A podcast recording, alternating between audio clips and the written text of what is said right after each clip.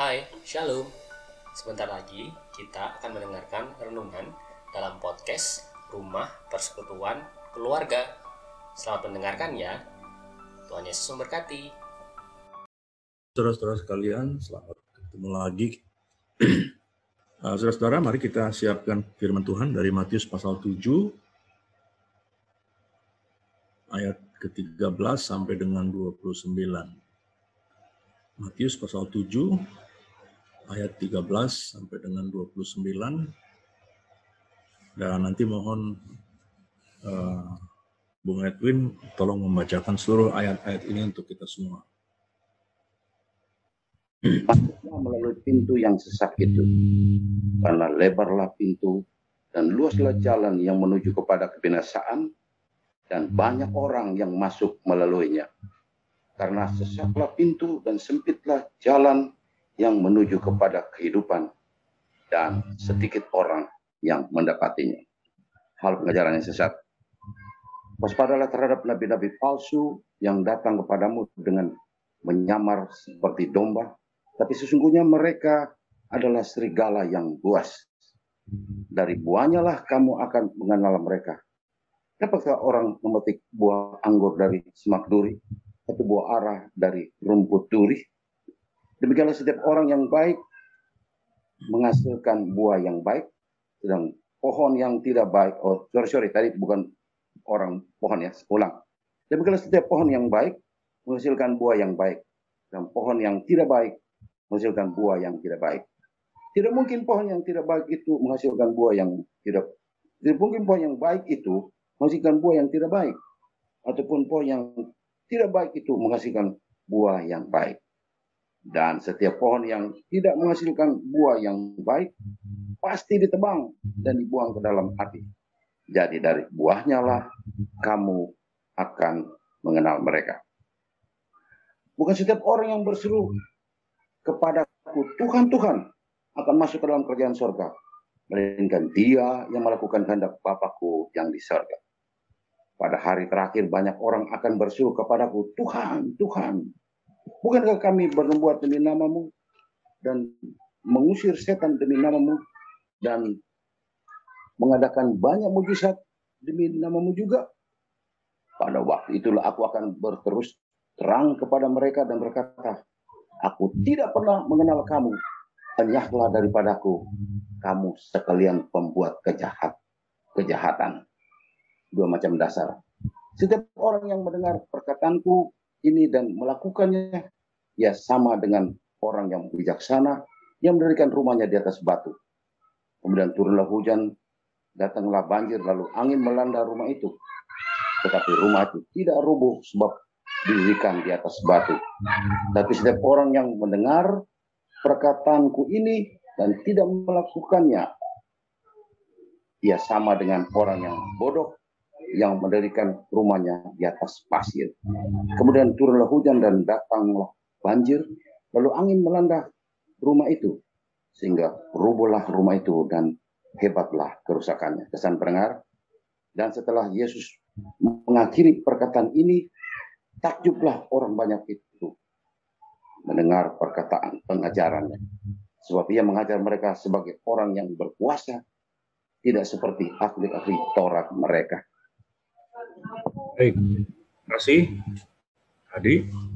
Ya, ya. ini adalah uh, referensi atau menjadi acuan kita pada malam hari ini dengan tema kita pada hari ini uh, adalah suatu pilihan. Ya, Judulnya suatu pilihan, di mana ini adalah rentetan bagian akhir dari rentetan uh, khotbah di atas bukit yang sudah kita pelajari yaitu yang dimulai dari pasal 5, Matius pasal 5. Nah, dari mulai Matius pasal 5, eh, Tuhan Yesus sudah memberikan pengajaran-pengajaran, ya, dan banyak sekali pengajaran mengenai hal berpuasa, berdoa, mengenai hukum Taurat, dan lain sebagainya. Ya, kita bisa ingat itu, kita baca lagi pasal 5.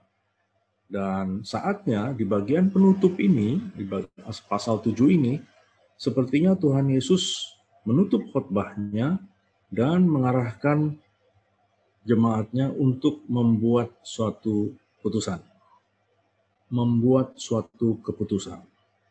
Ya. Artinya keputusan apakah mau mengikuti atau tidak nanti kita akan lihat. Nah, tentunya uh, Tuhan Yesus memperhadapkan kita dengan pilihan-pilihan yang sangat penting dan mendasar dari kehidupan kita. Yang pertama adalah arah kehidupan kita mau ke mana. Ya, arah hidup kita mau ke mana.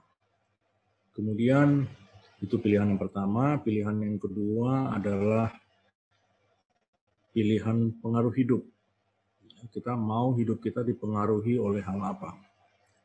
Dan kemudian yang ketiga, pilihan fondasi hidup. Ya, fondasi hidup.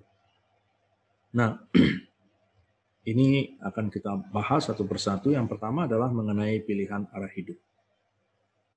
Di pembacaan tadi dikatakan bahwa masuklah melalui pintu yang sesak karena lebarlah pintu dan luaslah jalan menuju kepada kebinasaan di ayat 13. Ya. Sehingga dari bagian ini Tuhan Yesus mau mengatakan kepada kita, kita mau hidup bersama Dia atau tidak bersama dengan Dia. Bersama dengan Dia tidak mudah, pintunya sempit, dan jalannya pun sempit. Tidak bersama dengan Dia, pintunya lebar, jalannya pun lebar. Kalau pintu lebar, jalannya lebar, maka tentu mudah dong ya kita bisa mengerti. Kalau suatu pintu yang lebar kita masuk tentu tidak susah. Tetapi kalau pintunya sempit maka itu uh, susah uh, bersesak-sesakan. Dan Tuhan Yesus mau mengatakan kalau kita mau bersama dengan Tuhan Yesus memang ada yang harus kita pergumulkan. Ada perjuangan di sana pintu yang sempit jalan yang sempit, penuh pergumulan, penuh perjuangan, penuh penderitaan. Karena semuanya ini bermuara kepada melayani Tuhan. Ya. Kalau kita mau bersama Tuhan Yesus, berarti kita mau melayani Dia. Berarti kita menjadi pelayan Dia. Kalau istilah kata pelayan, kita bayangkan tentunya pelayan restoran. Ya mana ada pelayan restoran yang santai, betul nggak? Ya. Pelayan restoran santai itu biasanya sebelum buka puasa. Ya, karena pelanggan belum pada datang. Atau restoran yang nggak laku, nggak ada pelanggannya, ya pasti santai. Ya. Di Deplu itu ada satu, di Jalan Deplu Raya itu ada satu restoran di samping bengkel. Restorannya itu bagus ya, mewah kelihatannya tapi sepertinya nggak ada nggak ada pelanggan yang itu. Saya lewat siang sepi, saya lewat sore sepi, saya lewat malam sepi juga. Ya, ya pelayannya kelihatan santai, duduk-duduk, ya bercanda-bercanda, uh, main-main HP, ya. sehingga memang demikian. Kalau pelayannya santai berarti nggak banyak kerjaan. Tetapi kalau pelayan yang restorannya ramai kita tahu persis ya. Itu dia nggak berhenti bergerak ya. Bisa duduk aja selama shift dia udah bagus ya. Tapi dia akan bergerak terus. Mungkin saudara mengingat kalau ada rest, pernah semuanya saya rasa yakin pernah ke restoran Padang ya. Restoran sederhana. Uh kalau lagi jam makan siang aduh ramenya ya. Itu pelayan nggak ada berhentinya gitu suguhin makanan di sana, bersihkan di sana, lari sini, nanti dipanggil, dah, udah, nanti sana lagi panggil, dah, udah. Jadi seorang pelayan sedemikian, kerjanya berat. Nah sehingga kita jangan lupa istilah pelayan bahwa kita sebagai pelayan Kristus, karena kita melayani Kristus, arti dari kata melayani Kristus selalu ada pergumulan, selalu ada perjuangan di dalamnya, selalu ada penderitaan dalamnya yang harus kita bayar dan itu tidak sebagai pengikut Kristus, Kristus tidak pernah menjanjikan semuanya smooth dan lancar. Kalau kita tidak berjalan bersama Tuhan Yesus, pintunya lebar, jalannya luas. Ya. Namun, akhir daripada semua itu adalah kebinasaan. Mazmur 73 adalah Mazmur Azaf. Ya. Dalam Mazmur 73 ini, Asaf melihat kok uh, hidup orang fasik itu kok mulus gitu ya. Nggak perlu berjuang berat, nggak perlu bersusah payah, hidupnya itu mudah. Mereka makmur semua, penuh dengan kemujuran, dan segala macam. Sehingga Mazmur Asaf mengatakan, wah dia ngiri juga melihat kehidupan orang fasik. Tapi kemudian dia mendekatkan diri dengan Tuhan, dan dalam Tuhan ada penghiburan, dan dia dapat melihat akhir dari semuanya itu. Akhir dari semuanya itu adalah kebinasaan. Nah barangkali kita pun kadang melihat ya, tadi kesaksian Mbak Jaring juga melihat, wah nggak terlalu mikir duit, tapi pada akhirnya dalam pandeminya mau nggak mau ya terpaksa harus memikirkan juga ya. Nah, mungkin dalam kehidupan kita semua kita pernah melihat bahwa ada orang-orang yang tidak seiman kita ya tidak perlu bersusah payah melayani Tuhan seperti kita kok hidupnya smooth ya semuanya lancar ya.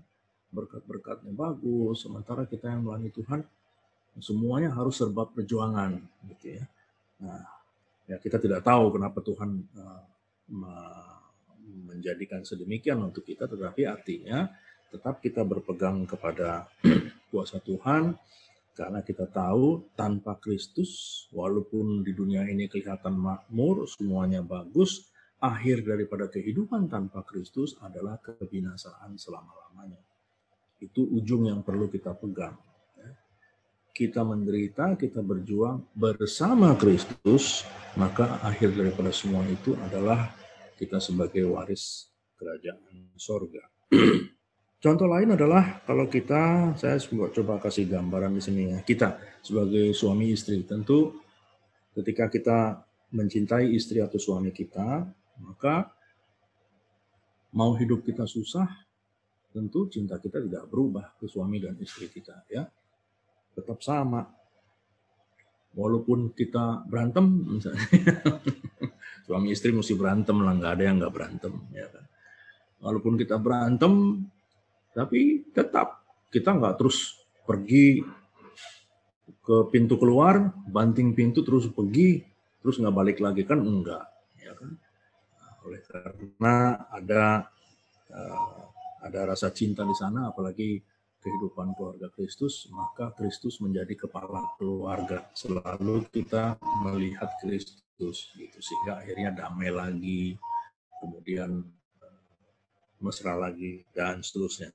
Nah itu tentunya juga demikian ya kehidupan uh, yang seberapa susah pun suami istri, tapi kalau sudah sepakat hidup bersama maka semuanya akan menjalani saling mencintai walaupun keadaan sulit bersama Tuhan Yesus berarti kita melakukan kehendaknya. Ya. Bersama Tuhan Yesus kita menjalani kehidupan melayani dia, apa yang dia inginkan. Ya. Apa yang dia inginkan. Tentu kita mesti ingat, amanat agung adalah satu hal yang Tuhan inginkan kita terlibat. Ya. Dan kita akan berjuang di sana dalam hal pekabaran Injil, pemuridan, bersekutu, beribadah dan lain sebagainya. Banyak sekali yang harus kita kerjakan ya.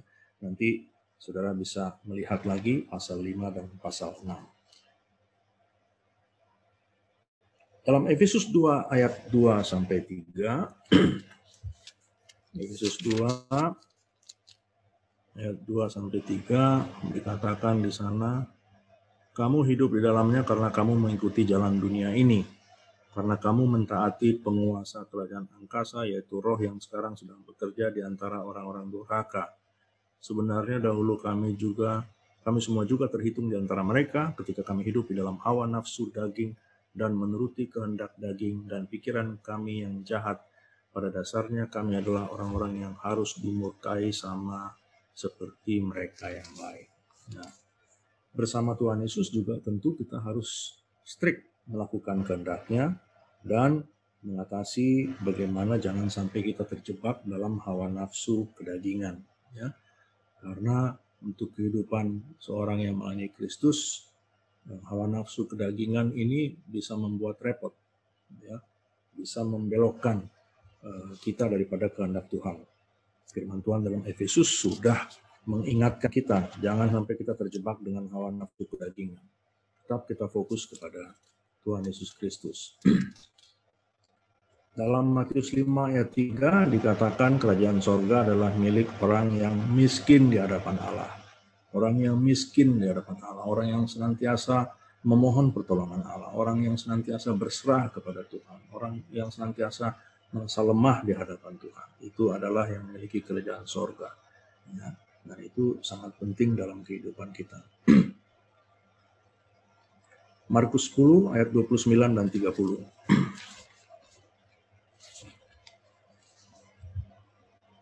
Dalam Markus 10 ayat 29, boleh satu orang untuk membaca? Markus pasal 10 ayat 29 sampai dengan 30.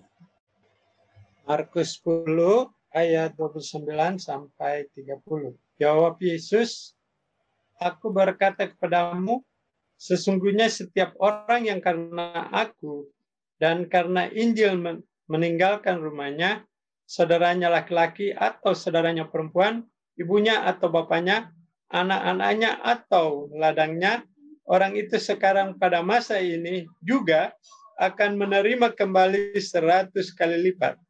Rumah, saudara laki-laki, saudara perempuan, ibu, anak dan ladang sekalipun disertai berbagai penganiayaan dan pada zaman yang akan datang ia akan menerima hidup yang kekal. Ya. Ya Tuhan Yesus berbicara seperti ini ya untuk dalam perikop upah mengikut Yesus sehingga eh, baiklah kita mau mengingat bahwa dalam penderitaan kita mengenai Tuhan kepada Injil dan sebagainya, maka Tuhan Yesus menjanjikan, menjanjikan bahwa kita bisa menerima kembali 100 kali lipat. Bentuknya bagaimana tentu kita jangan juga terjebak dengan uh, teologi kemakmuran. Tadi ada yang mengingatkan bajarin juga kan, seolah-olah kalau melakukan kehendak Tuhan maka kita pasti mendapatkan tidak selalu demikian. Tetapi artinya Tuhan pernah berbicara. Artinya bahwa dalam penderitaan oleh karena Injil dalam perjuangan dan mengikuti atau menjalani Tuhan akhir dari semuanya itu adalah sesuatu yang akan membuat kita bahagia baik hidup di dunia ini maupun nanti ketika kita mendapatkan hidup yang kekal. Ada jaminan di sana yang dikatakan oleh Tuhan Yesus.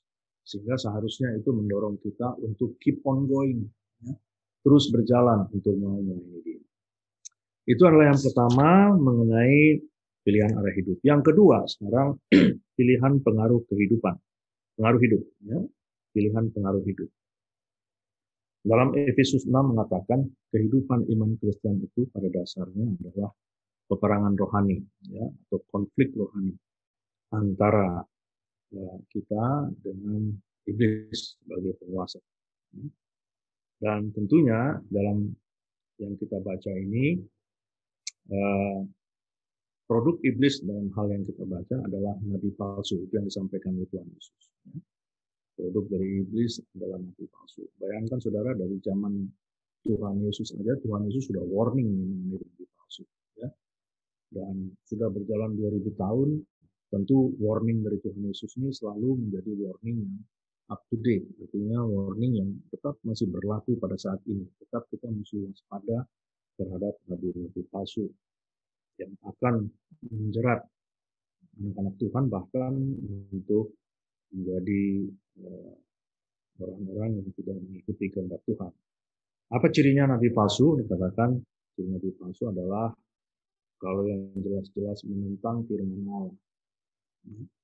Kalau itu sudah jelas, mungkin lebih mudah ya kalau melihat nabi palsu yang sudah yang agak susah adalah kalau dia membelokkan firman Allah.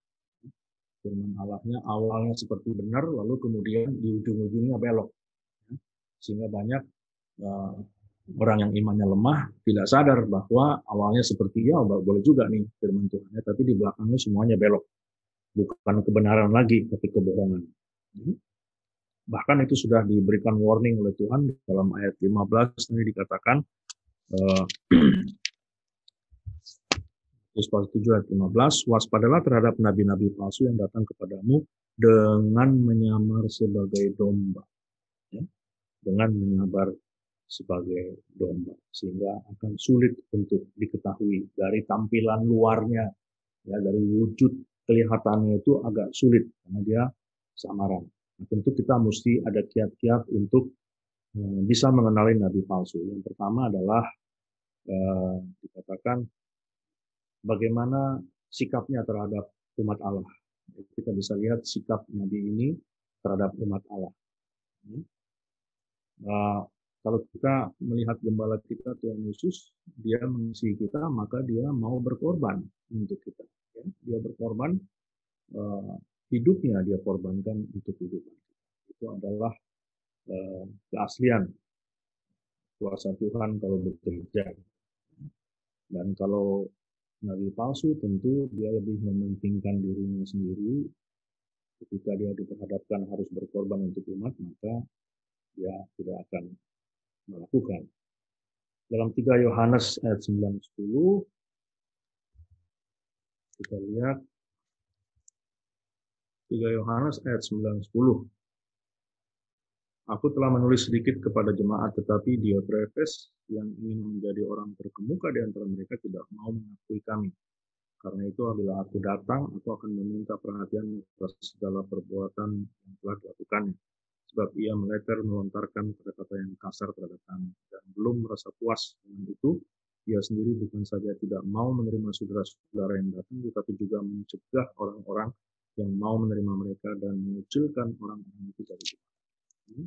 Ini salah satu cirinya adalah seperti Diotrephes yang dikatakan oleh Yohanes, kerjanya memecah belah umat.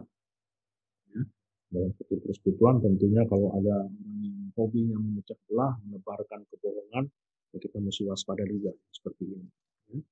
Tidak membawa kedamaian, tapi memecah belah umat. Kemudian nabi palsu bisa dikenali juga dari yang kedua adalah dari buah pengajaran. Ya.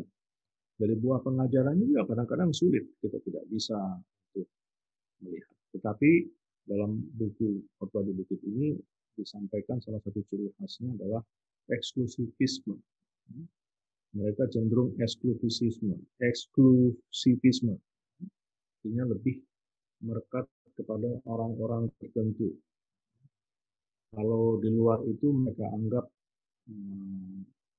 atau mungkin mereka merendahkan orang-orang lain, membodoh-bodohi orang-orang lain, atau menyalah-nyalahkan orang yang lain, kelompoknya yang benar, atau mencibir orang-orang lain dengan cara hidup dan sebagainya. Barangkali ini pun adalah suatu yang kita perlu waspadai apabila ada yang demikian cenderung eksklusif untuk dirinya sendiri. Yang ketiga, nabi palsu juga bisa dikenali dari prioritas hidupnya, prioritas hidupnya. Ya. Prioritas hidupnya apa? Ada yang prioritas hidupnya uh, tidak sesuai dengan kehendak Tuhan. Okay. Dalam ayat 23 dikatakan di sana uh, ayat 21 sampai dengan 23 ya. Bukan orang yang berseru kepada padaku Tuhan Tuhan akan masuk kerajaan surga, melainkan dia yang melakukan kehendak Bapakku yang di surga. Pada hari yang terakhir dan seterusnya, dan ayat 23 pada waktu mereka pada waktu itulah aku akan berterus terang kepada mereka, aku tidak pernah mengenal kamu. Ya. Jadi berdasarkan ayat 23 ini sangat mungkin orang melakukan keajaiban, orang melakukan mujizat, okay? bahkan mungkin menyembuhkan orang sakit, tapi sebetulnya orang tersebut nggak kenal sama Tuhan Yesus sekali. Ya bukan produk dari Tuhan Yesus gitu. Tetapi kita melihat bahwa manusia umumnya akan lebih tertarik dengan hal-hal yang spektakuler seperti itu ya. Pelayanan-pelayanan yang memberikan kesembuhan, pelayanan yang memberikan mungkin ada mujizat-mujizat, nah itu rame itu datang ke sana Tapi belum tentu itu datang dari Tuhan Yesus. Karena sangat mungkin orang melakukan mujizat tanpa mengenal Tuhan Yesus. Mujizatnya datang dari mana ya? Kuasa apa lagi? Kalau bukan kuasa iblis. Sehingga ini yang juga perlu kita waspadai. Tentu kita tidak tidak serta merta menghakimi semuanya yang melakukan demikian, tapi artinya kita waspada. Kita waspada, kita pelajari, kita lihat ini kuasa penyembuhan, ini kuasa memberikan mujizat ini, apakah datang dari Tuhan atau tidak. Ya.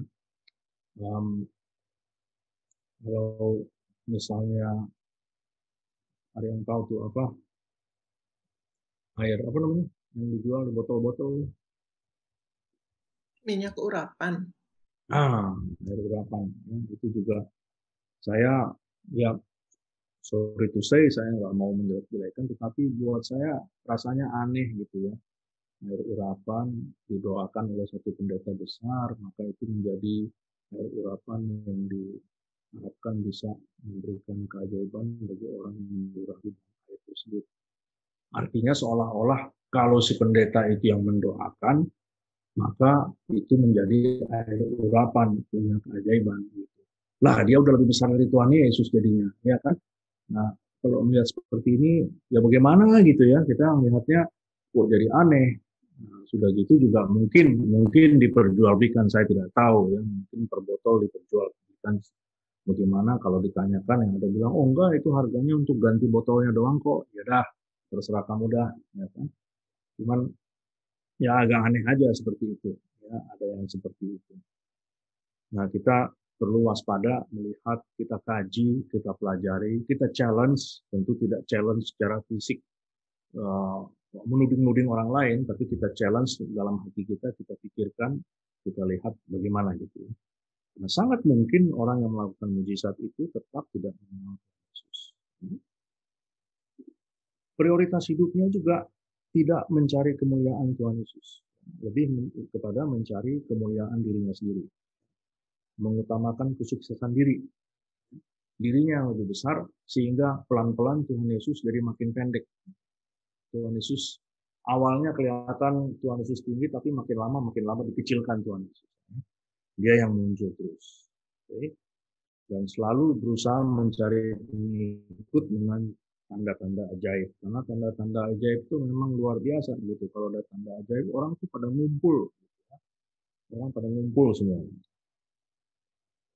tapi kalau kita lihat sebetulnya kita lihat ya Tuhan Yesus dari semua kitab Injil itu Tuhan Yesus tidak pernah memberikan pengajaran mengenai tanda ajaib. Apakah Tuhan Yesus pernah mengajarkan kita, oh kalau mau bikin tanda ajaib begini loh.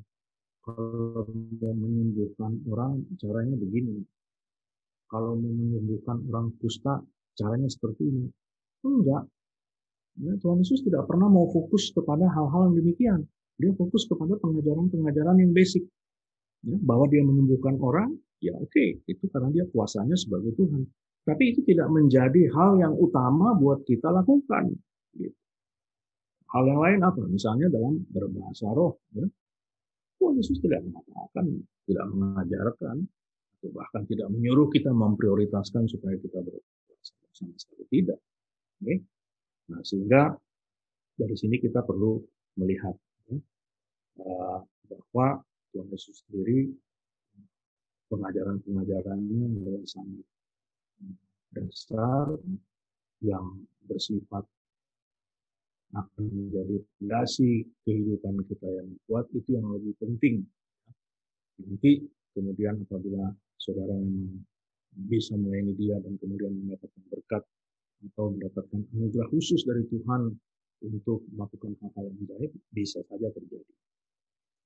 Itu adalah uh, tiga hal dalam hal kita bagaimana mengkaji, menilai, menganalisa uh, nabi palsu.